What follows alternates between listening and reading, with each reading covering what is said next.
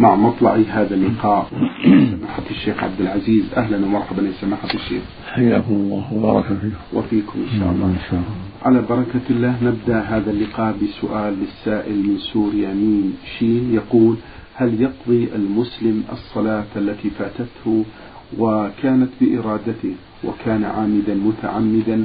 ماذا يلزمه في هذه الحالة؟ وهل يقضي ما فاته مأجورين؟ بسم الله الرحمن الرحيم. الحمد لله وصلى الله وسلم على رسول الله وعلى آله وأصحابه ومن اهتدى بهداه. أما بعد فالصلاة أمرها عظيم وهي عمود الإسلام وهي الركن الثاني من أركان الإسلام. قال الله جل وعلا حافظوا على الصلوات والصلاة الوسطى وقوموا لله قانتين قال تعالى وأقيموا الصلاة وآتوا الزكاة وأطيعوا الرسول لعلكم ترحمون. قال جل وعلا وأقم الصلاة إن الصلاة تنهى عن الفحشاء والمنكر. والآيات في أمر الصلاة كثيرة جدا. ويقول النبي صلى الله عليه وسلم رأس الأمر الإسلام وعموده الصلاة. ويقول عليه الصلاة والسلام بني الإسلام على خمس. بني الإسلام على خمس يعني على خمس دعائم شهادة أن لا إله إلا الله وأن محمدا رسول الله. وإقام الصلاة وإيتاء الزكاة وصوم رمضان وحج البيت. ويقول عليه الصلاة والسلام بين الرجل وبين الكفر والشرك ترك الصلاة.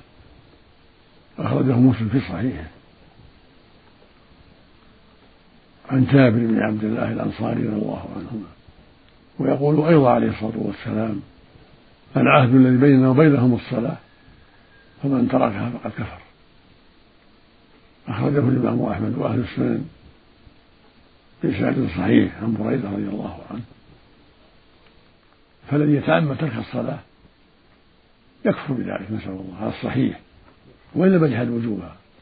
أما إذا جحد وجوبها يكفر عند الجميع ولو ولو صلى. إذا قال انها غير واجبة فهو كافر ولو صلى. عند جميع أهل العلم. لكن إذا تكاسل ويعلم أنها واجبة ويدري أنها واجبة يعترف ولكن يتكاسل ولا يصلي هذا أيضا كافر عند على الصحيح لهذه الأحاديث السابقة. فإذا تاب الله عليه ما عليه قضاء. إذا تاب الله عليه يبتدي من جديد يصلي من جديد وليس عليه قضاء. إذا كان تركها عمدا عدوانا أما إذا كان ناسي أو نائم يقضي. أما إذا تركها عمدا متساهلا فعليه التوبة وليس عليه قضاء. فإن قضى فلا بأس لكن ليس عليه قضاء. نعم. جزاكم الله خيرا. السائل أيضا له سؤال ثاني يقول هل تصلى الظهر بعد صلاة الجمعة؟ فبعض الناس بعد أن يصلي الجمعة يصلي بعدها أربع ركعات. هل هذا صحيح؟ لا هذا بدعة. لا يجوز. صلاة الجمعة كافية والحمد لله عن الظهر ومن يصلي الظهر بعدها هذه بدعة. يقول بعض الناس إن إذا كان في البلد جمعات كثيرة إن أخشى أنها الجمعة ما صحت. هذا من وساوس الشيطان. فلا يجوز أن تصلى الظهر بعد الجمعة. بل يجب أن يكتفي بالجمعة. لكن من فاتته الجمعة؟ جاءوا قد صلوا؟ أو مريض ما حضر الجمعة؟ أو مسافر؟ صلي الظهر. أما من صلى الجمعة فلا فليس عليه صلاة الظهر. بل صلاة الظهر مع الجمعة جميعا بدعة لا في المسجد ولا في غير المسجد. نسأل الله العافية. نعم. جزاكم الله خيرا. السائلة في هذا السؤال تقول ما روي في حديث آه، بأن بأن في الجنة باب يقال له الريان لا يدخله إلا الصائمون. هل معنى ذلك؟ آه، هل الصائمون يقصد بهم الذين يصومون شهر رمضان فقط أم الذين يصومون السنن مثل الاثنين والخميس وأيام البيض أفيدونا مأجورين؟ مراد بذلك الصائمون صوم الفريضة.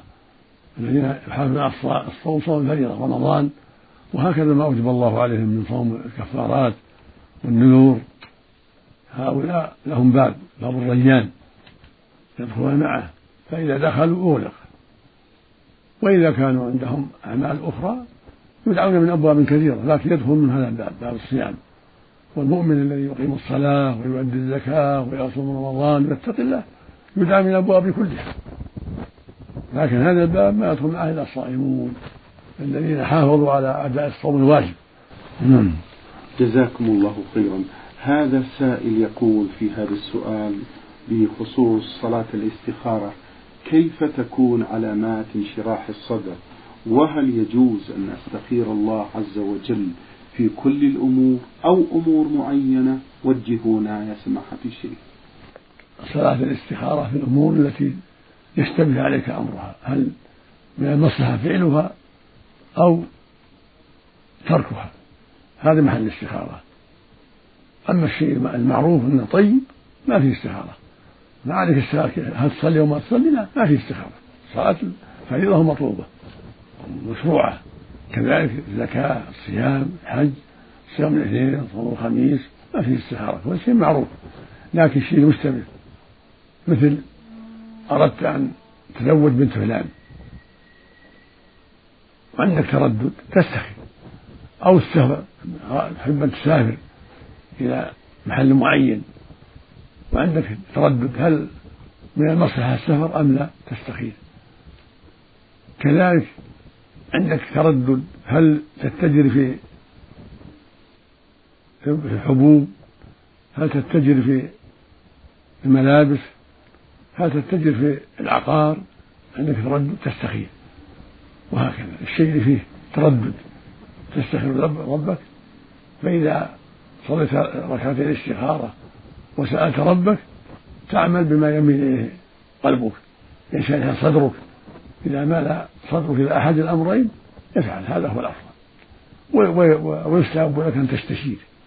يستحب لك أن تشاور الناس الطيبين تثق بهم مع الاستخارة بعد الاستخارة.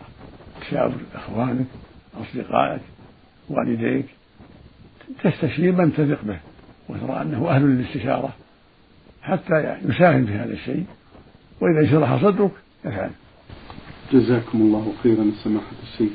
هذا السائل حمدي يعمل بالرياض يقول بأنه يعمل بالمملكة فهل عند عودتي لبلدي لا بد من أخذ هدايا للأهل والأقارب؟ علما بأن ذلك الموضوع سوف يكلفني الكثير. وهل إذا لم آخذ هدايا أكون قد ارتكبت إثم من باب قطيعة الرحم لأهلي؟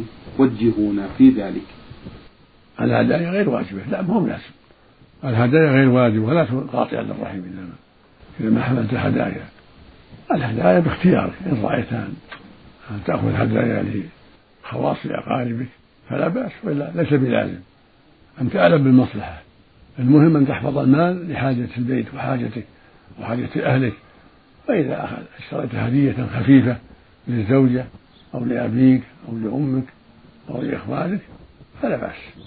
وإن شق عليك ذلك فالحمد لله ما ما لزوم هدية المال أحفظه لحاجة البيت لحاجته أو لقضاء دينه أما الهدايا فهي مستحبة عند اليسر عند القدرة واليسر. إذا أهديت على إخوانك الرسول يقول تهادوا تحابوا. اللهم صل عليه وسلم. فالهدية طيبة مع القدرة ومع السعة إذا تيسرت من غير تكلف. جزاكم الله خيرا. سماحة الشيخ. هل من يقضي فترة من الزمن في مكة المكرمة بعد الحج لمدة أكثر من شهرين لا بد أن يطوف طواف الوداع؟ وهل عليه شيء إذا لم يفعل هذا الركن؟ إذا أراد السفر يطوف الوداع هو واجب. هو واجب ليس بركن ولكنه واجب. إذا ترك عليه دم في في مكة للفقراء سواء أقام أياما قليلة أو شهر أو شهرين أو أكثر. إذا أراد السفر يطوف الوداع سبعة أشواط بالبيت. من دون سعي يطوف سبعة أشواط ويصلي ركعتين عند السفر. يقول النبي صلى الله عليه وسلم لا ينفرن أحد منكم يعني الحجاج حتى يكون آخر أهله البيت. اللهم صل وسلم إلا الحائض والنفساء. إذا صادف وقت السفر وهي في الحيض أو في النفاس لا وداع عليهم. يقول هذا السائل سماحة الشيخ الشخص الذي عليه دين هل تلزمه فريضة الحج؟ إذا كان عنده قدرة على الدين والحج تلزمه أما إن كان ما عنده قدرة يبدأ بالدين ولا ولا حج عليه. لكن إذا كان عنده مال يستطيع في الدين ويستطيع الحج يلزمه الحج. لأن الله قال ولله على الناس حج البيت من استطاع إليه سبيلا. فإذا كان عنده أموال يستطيع في الدين يستطيع يحج وجب عليه.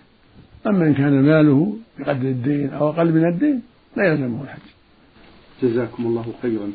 في فقرة أخرى يقول هذا السائل الشاب الغير متزوج أيهما أفضل الحج أم الزواج؟ إن كان يستطيعهما فعلهما جميعا يتزوج ويحج جميعا فإن كان مال لا يفتح إلا لأحدهما فإن كان محتاجا للزواج ويخشى على نفسه بدأ بالزواج فإن كان لا يهمه الزواج لأن شهوته ضعيفة لا لا يخشى خطرا بدأ بالحج. وأدى الحج الفريضة. أما إن كان لا يخشى على نفسه فإنه يبدأ بالزواج ومتى أيسر حج بعد ذلك. جزاكم الله خيرا. هذا سؤال من إحدى المستمعات تقول عندي مشكلة وهي أنني ذات يوم خدعني إبليس وذلك بأن جعلني أخدع صاحب السوق عندما أخذت منه حاجتي وقلت له سوف أعطيك الثمن بعدين ومرت سنة أو أكثر وأنا على هذا الحال وعندما أردت أن أعطيه فجأة تغير المكان وصار سوقا آخر ولم يوجد صاحب هذا الدين الذي بذمتي. وسؤالي رغم أنني نادم جدا لم أجده ولم أعرف أحد يعرفني عليه لكي أعطيه المبلغ. وسألت أكثر من واحد وقالوا ليس موجود. فماذا أفعل؟ عليك التوبة أول إلى الله. عليك التوبة والندم والعزم الصادق أن لا تعود مثل هذا لأنك ظلمته وتعديت عليه وعليك الصدقة بهذا المال. صدق بهذا المال على الفقراء بالنية عن صاحبه. إذا لم تستطع معرفة عنوانه وإيصال المال إليه إذا عجزت فعليك أن تصدق به على الفقراء بالنية عن صاحبه. وتدعو له ويكفي والحمد لله مع التوبة والندم مما فعلت. نعم. هذه سائلة تقول في هذا السؤال عندي مبلغ من المال وأريد أن أجعله وقفا في سبيل الله عز وجل. والسؤال أي الأعمال أفضل في هذا الوقف؟ هل هو بناء المساجد أو بناء مسجد أم غيره أفضل؟ دلوني يا سماحة الشيخ مأجورين. إذا كان المال كثيرا اجعليه في عقار في أعمال البر في وجوه الخير بناء المساجد والصدقة على الفقراء والمساكين ومساعدة طلبة العلم في طلب العلم مساعدة من يقوم بعمل شرعي وهو يعجز عنه. المقصود تكون في يكون في أعمال البر إذا كان مال كثير يشترى بعقار كبير أو عقارات توقف في البر وجوه الخير من صدقة الفقراء والمساكين من مساعدة المجاهد في سبيل الله من بناء المساجد إلى غير هذا من وجوه الخير. صدقة على الأقارب بالمحاويج إلى غير ذلك. أما إن كان قليل فاصرف فيه في الصدقة الفقراء إذا كان فيها قارب فقراء فأعطيهم إياه. فإن كان ما هناك أحد يصرف في تعمير المساجد أو في فقراء في غير البلد إذا كان ما في بلد فقراء بلدك. المقصود أنه يكون في وجوه البر. لكن إذا كان قليل تجعلنا في الفقراء أو في, في تعمير المساجد مساهمة كله طيب. جزاكم الله خيرا. سماحة الشيخ إذا نوى الشخص سواء كان الرجل أو المرأة أن يقوم الليل ولم يقم فهل يكتب له أجر ما نوى؟ نعم.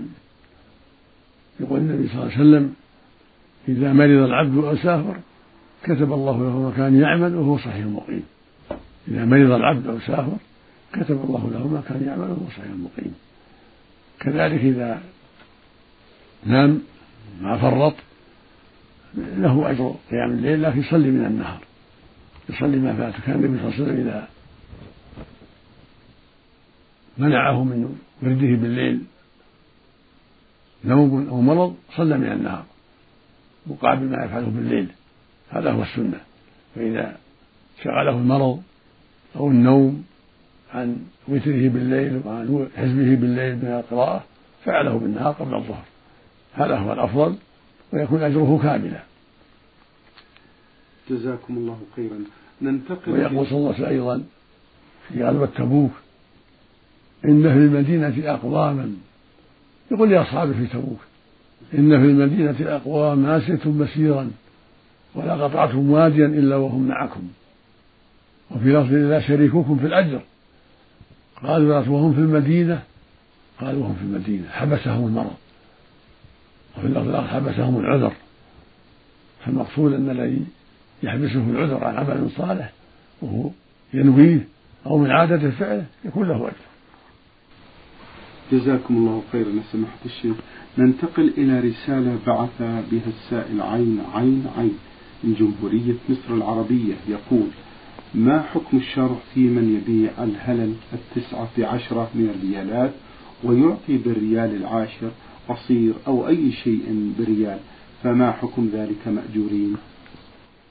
في خلاف بين علماء العصر والأفضل عدم الزيادة. عشرة بعشرة ومئة بمئة وهكذا. لأنها كلها ريال. هذا معدن وهذا ورق. فالأفضل عدم التفاضل. الأفضل عشرة بعشرة وعشرين بعشرين ثلاثين أحوط. يقول النبي صلى الله عليه وسلم دع ما يريبك إلى ما لا يريبك. بعض إخواننا من العلماء قالوا لا بأس لأن المعدن غير الورق.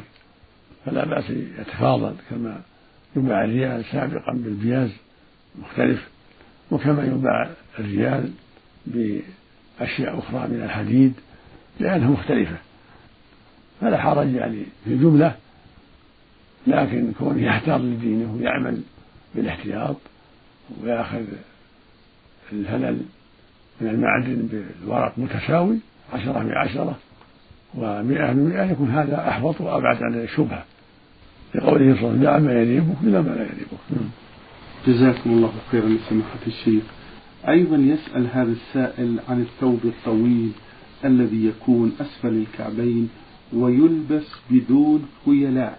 ما حكمه؟ لا يجوز. هذا من الإسبال لكن مع الخيلاء يكون الإثم أكثر. مع الخيلاء يكون الإثم أكثر. لقول النبي صلى الله عليه وسلم ما أسفل الكعبين من الإزار فهو في النار. رواه البخاري في الصحيح. ما أسفل من الكعبين من الإزار فهو في النار. وهكذا البشت هكذا القميص هكذا السراويل كلها واحد. إذا نزل الكعبين فهو لا يجوز في حق الرجل. ويقول صلى الله عليه وسلم ثلاث لا يكلمهم الله ولا ينظر يوم القيامة ولا يزكيهم ولهم عذاب أليم. المسبل إزارة والمنان فيما أعطى والمنفق سلعة بالحلف الكاذب. رواه مسلم في الصحيح من حديث أبي ذر. هذا يبين أنه لا فرق بين من أراد التكبر أو لم يريد التكبر لأن الرسول أطلق في هذه الأحاديث. وقال في حديث آخر من جر ثوبه خيالا لم ينظر الله يوم القيامة. هذا وعيد آخر وعيد شديد.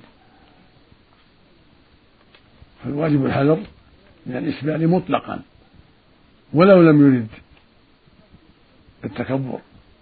وهذا شيء في قلبه؟ من يعلم ذلك؟ إلا الله جل وعلا. فالإسبال ممنوع وهو وسيلة للتكبر مع ما في هذا أيضا من الإسراف وتعريض الثياب للأوساخ والنجاسات يروى عن عمر رضي الله عنه وهو مطعون رضي الله عنه. جاءه شاب يعوده فلما أدبر رأى ثوبه يمس الأرض فقال له يا شاب ارفع ثوبك فإنه أتقى لربك وأنقى لثوبك. ارفع ثوبك فإنه أتقى لربك وأنقى لثوبك. المقصود أنه لا يجوز أن تنزل الملابس عن الكعبين في حق الرجل ولو لم يرد التكبر لأنها حاجة عامة. نعم. أما المرأة فالسنة لها أن تسبل حتى تستر أقدامها عن الرجال. نعم. جزاكم الله خيرا. سماحة الشيخ هذا السائل آه، لافي من العلا الشمالية الشمالية يقول في هذا السؤال لماذا تكفل الله عز وجل بحفظ القرآن الكريم دون سائر الكتب التي أنزلت على الرسل؟ وجهونا في ضوء هذا السؤال. له الحكمة البالغة. له الحكمة البالغة. ولعل من الأسباب أن الكتب بعدها كتب. تبين ما يحرفه الناس ويغيره الناس. أما القرآن ما بعده وحي انقطع الوحي. من من رحمة الله أن حفظه حفظ السنة والقرآن. لأن ليس هناك نبي جديد يأتي يبين لنا ما أخطأ فيه الناس. فكان من رحمة الله أن حفظ على أمة محمد القرآن والسنة. أما الماضون قبل قبل محمد كل نبي بعده نبي وبعده رسل يبينون ما أخطأ فيه أمة الرسول السابق وما حرفوا وغيروا ولهذا بين القرآن والسنة ما حرفه الكتاب في التوراة والإنجيل وفي شرائعهم. أما محمد صلى الله عليه وسلم هو الخاتم ليس بعده نبي. فمن رحمة الله أن حفظ كتابه وحفظ سنة رسوله صلى الله عليه وسلم. جزاكم الله خيرا. في سؤاله الثاني يقول ما هي الأسباب التي تؤدي إلى نشر الخرافات ونشوء الوثنيات بين الناس؟ وجهونا في هذا السؤال. الأسباب قلة العلم كثرة الجهال قلة النصح لله ولعباده والطمع في المال والشهرة وما يقع من الحسد والبغض بين الناس كلها أسباب للشر. فالإنسان إذا لم يكن عنده تقوى لله والدين يحميه فعل ما تفوه نفسه من ظلم وعدوان ودعوة إلى الباطل ونشر البدع والخرافات لأنه ليس عنده تقوى تمنعه وخوف من الله يحجزه. نسأل الله العافية. اللهم آمين. يقول هذا السائل هل يجب على الإنسان إذا شاهد شاة أو ما يماثلها مشرفة على الموت فهل يذكيها؟ علما بأنها مريضة لا تؤكل؟ ماذا يفعل بها؟ إن ذكاها فلا بأس وإن تركها فلا بأس الأمر واسع إن ذكاها لعل أحد يقبلها ويأكل منها فلا بأس وإن تركها تموت فلا بأس الأمر واسع الحمد لله. جزاكم الله خيرا. هذه السائلة بلال من اليمن تقول في هذا السؤال. ما حكم لبس الخاتم الذي يوجد عليه ثعبان وهل تجوز الصلاة فيه؟ وجهونا بذلك. لا يجوز لبسه ولا يجوز الصلاة فيه إلا إذا قطع رأسه رأس الثعبان. يقطع يحك رأسه حتى يزول الرأس. وإلا فلا يجوز لبسه سواء كان خاتم أو حلية في الحلق. أو غيره. ثعبان أو طير أو حيوان آخر. حتى يقطع الرأس. ولا فالواجب عدم لبسه. لكن الصلاة صحيحة. الصلاة صحيحة. على الصحيح لكن لا يجوز استعماله. ولو في غير الصلاة. مثل الخاتم اللي فيه صورة ثعبان أو غيره. أو حزام أو قميص أو غير ذلك لا يجوز. حتى يقطع الرأس. نعم. ويزال جزاكم الله خيرا. سماحة الشيخ لها سؤال ثاني تقول بأنها كثيرة النسيان وعندما تكون في الصلاة تنسى الآيات أو تخلط بها فماذا يجب عليها أن تفعل؟ هل تعيد الصلاة؟ عليها أن تستعيذ بالله من الشيطان. عليها أن تحرص. تحضر قلبها بين يدي الله إذا دخلت في الصلاة. تجمع قلبها على الله. تعرف أنها بين يدي الله. وأن الواجب عليها إحضار قلبها بين يدي الله. والله يقول سبحانه قد أفلح المؤمنون الذين هم في صلاتهم خاشعون. وعليها أن تحذر الشيطان. فإذا جاءت الوساوس عن يسارها ثلاث مرات تقول أعوذ بالله من الشيطان ولو في الصلاة. تميل عن يسارها قليل بوجهها تقول أعوذ بالله من الشيطان. ثلاث مرات تدخل. وهذا علاج يزيل الله به شر الشيطان. قد أوصى به النبي صلى الله عليه وسلم على الصحابة. فعليها أن تستعين بالله وتستمر في صلاتها ولا تعيد صلاتها ولا وضوءها. تقرأ ما تيسر من الآيات والحمد لله بعد الفاتحة. جزاكم الله خيرا. السائلة فضيلة الشيخ دلال من اليمن تقول في هذا السؤال امرأة لا تنجب ويريد الزوج أن يتزوج بأخرى لهذا السبب. وقالت هذه الزوجة لو تزوج علي تقتل نفسها. فنريد من سماحتكم توجيه هذه المرأة وأن تبين لها الحكمة من تعدد الزوجات. لا يجوز لها قتل نفسها. هذا منكر جهل منها. ولا هو يتزوج واحد ثانية وثالثة ورابعة الله يقول سبحانه فانكحوا ما طاب من النساء مثنى وثلاث ورباع والشارع يريد من الأمة أن تجتهد في عفة الفروج وكانت النسل حتى تكثر الأمة التي تعبد الله وتطيعه فالتي لا تنجب قد أصابها عيب كبير والأمر إلى الله الله حكيم عليم عليها أن تحتسب تصبر تسأل ربها العافية وأن الله يمنع الذرية تسأل ربها تعالج لا بأس. ولكن زوجها لا بأس أن يتزوج يطلب الذرية وإذا قتلت نفسها فإلى النار الله توعدها بالنار ولا يلزم زوجها يطيعها. لا يتزوج ولو قتلت نفسها. الإثم عليها والشر عليها. وقاتل نفسه توعده الله بالنار نعوذ بالله. نعم.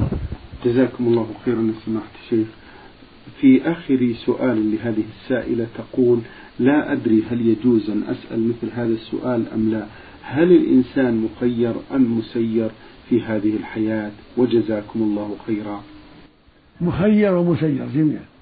مخير له أعنان وله عقل وله تصرف وله سمع وبصر يختار الخير ويبتعد عن الشر يأكل ويشرب باختياره يتجنب ما يضره باختياره يأتي ما ينفعه باختياره وله مسير بمعنى أنه لا يتعدى قدر.